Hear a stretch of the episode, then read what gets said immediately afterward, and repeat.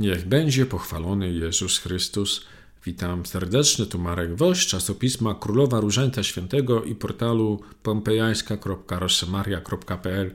Dzisiaj mam dla Was świadectwo nowenny pompejańskiej, które napisała Grażyna do naszego portalu oraz naszego dwumiesięcznika. Przeczytajmy. Nosi ono tytuł Dostałam więcej niż prosiłam. Grażyna pisze – Obiecałam, że napiszę, gdy moje modlitwy nowenny pompejańskiej będą wysłuchane i czynię to, choć już trochę czasu upłynęło, ale słowa trzeba dotrzymać. I czynię to dziś, w Dniu Matki Bożej Miłosierdzia, 16 listopada 2023 roku. Moja córka Lidia wyszła za mąż 10 lat temu w Niemczech. Mają ślub kościelny, ale mój zięć jest ewangelikiem. Kiedy kilka lat wcześniej przyjechał do Polski, pojechaliśmy z nim do Gierszwałdu, mieszkamy w odległości 10 kilometrów, aby opowiedzieć o objawieniach Maryi w tym miejscu.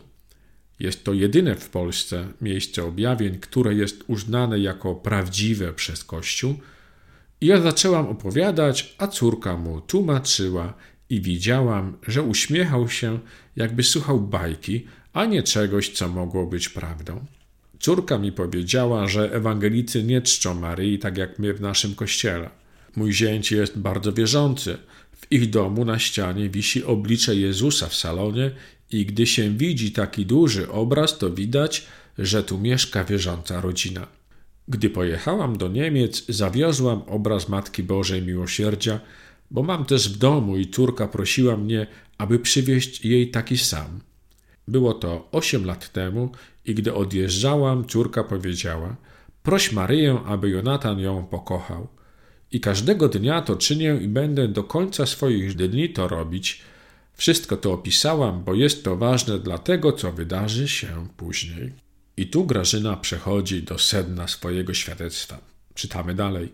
Córka i zięć, będąc prawie 10 lat po ślubie, nie mogli doczekać się dziecka. Byli zdrowi według lekarzy, a dziecka nie było. Nic nie mówiąc, rozpoczęłam tej intencji nowennę pompejańską, chociaż nie znałam wcześniej tej modlitwy. Zaczęłam w maju, bo to miesiąc Maryi, i modliłam się przez czerwiec, bo to miesiąc Jezusa, czyli od 1 maja do 23 czerwca 2022 roku. Gdy po jakimś czasie córka zadzwoniła i oznajmiła, że jest w ciąży, nie mogłam uwierzyć w tak szybki cud miłosierdzia Maryi. Powiedziałam wtedy, że modliłam się na różańcu i to dlatego tak się stało.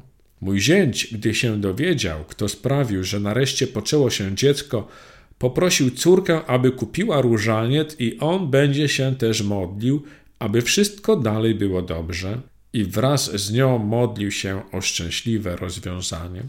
Moja wnusia urodziła się równo 9 miesięcy od zakończenia modlitwy pompejańskiej, bo 28 marca 2023 roku. Dostała na imię Lia Maria. Została ochrzczona 15 lipca i ta data jest wymowna, bo od tego dnia mój zięć przeszedł do kościoła naszego katolickiego i są prawdziwą rodziną idącą razem do jednego kościoła. Nigdy by się to nie stało, gdyby nie interwencja najukochańszej matki, jaką mamy w niebie. To moje świadectwo tego, pisze Grażyna, czego zaznałam. Piszę, aby i inni w trudnych chwilach wzięli do ręki różaniec, bo to jedyna droga. Dziękujemy Ci, Grażyno, za Twoje świadectwo. Można by się kłócić, czy to jest jedyna droga.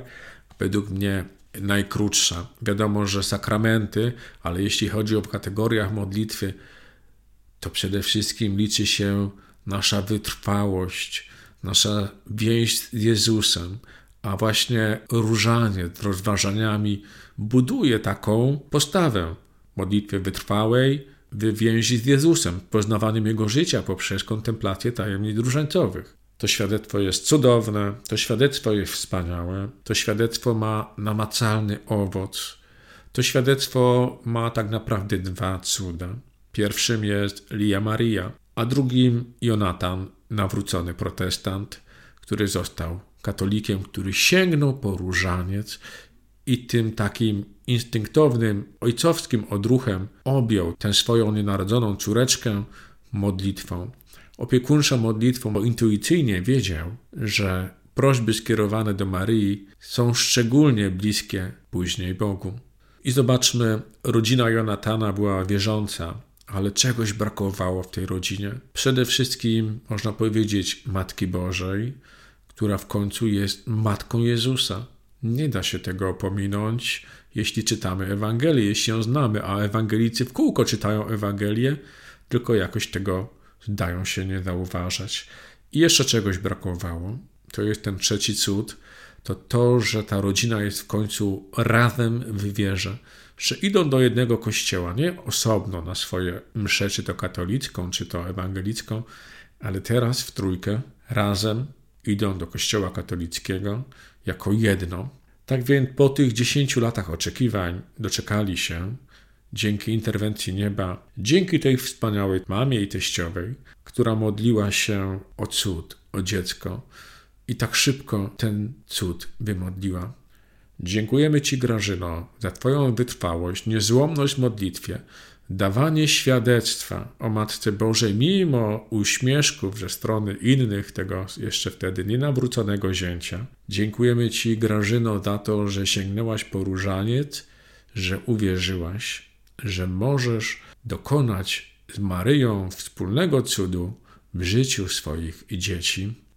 Bardzo serdecznie dziękuję Wam za wysłuchanie i za cierpliwość. Proszę Was o jedno. Piszcie komentarze pod świadectwami, gdziekolwiek je słuchacie, czy to na YouTube, czy na stronie pompejańska.rosemaria.pl. I proszę, abyście te świadectwa dalej rozpowszechniali. Przecież tam, gdzie je słuchacie, jest możliwość udostępnienia tego świadectwa albo innych świadectw innym Możecie je wysłać komuś w e-mailu, możecie udostępnić na Facebooku, czy na YouTube, czy na stronach społecznościowych, gdziekolwiek.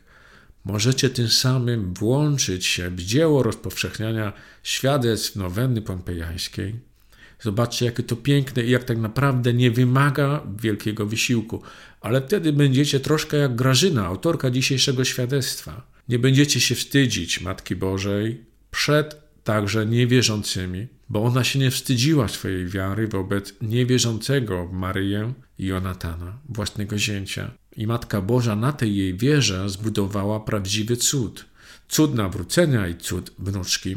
Jeśli dzielimy się świadectwami nowenny pompejańskiej, to można powiedzieć, że zachęcamy innych do tego, aby przemyśleli swoje życie, zawierzyli te swoje sprawy Matce Bożej, aby sami sięgnęli w końcu po i zatrzymali się troszkę w tym szalonym pędzie życia. Tak więc, jeśli możesz, to nie wahaj się ani chwili, zrób to. Udostępnij to świadectwo, udostępniaj te świadectwa, dziel się nimi jako naszym wspólnym dobrem i naszym wspólnym posłannictwem, naszym wspólnym zobowiązaniem, aby rozpowszechniać nowennę pompejańską. Wszędzie przecież mamy głosić, jak dobrotliwie Matka Boża się mną i Tobą zaopiekowała. To nasze słowa obietnicy z modlitwy dziękczynnej. Wierzę, że bardzo wielu z nas odmówiło kiedyś nowennę pompejańską, doświadczyło jakiegoś namacalnego cudu, może mamy trudności w opowiadaniu o nim, a jeśli tak, to po prostu powszechniajmy świadectwa. Jeśli nie swoje, to nawet czyjeś. A jeśli przyjdzie czas na napisanie świadectwa przez Ciebie, przyślij je koniecznie na adres świadectwa małpa.królowa.pl. Bardzo serdecznie dziękuję wszystkim Wam, którzy wspieracie modlitewnie lub też na Patronajcie, czy też na stronie wdowigrosz.pl wszelkie działania naszej fundacji, które mają na celu rozpowszechnianie noweny pompejańskiej, czy to przez drukowanie ich w czasopiśmie Królowa Różańca Świętego, czy to przez wspieranie apki do Różańca i noweny pompejańskiej. Bardzo serdecznie Wam dziękuję. To świadectwo wziąłem z 66. wydania Królowej Różańca Świętego, a którego to czasopisma jestem redaktorem. Marek Woś. Do usłyszenia w kolejnym podcaście.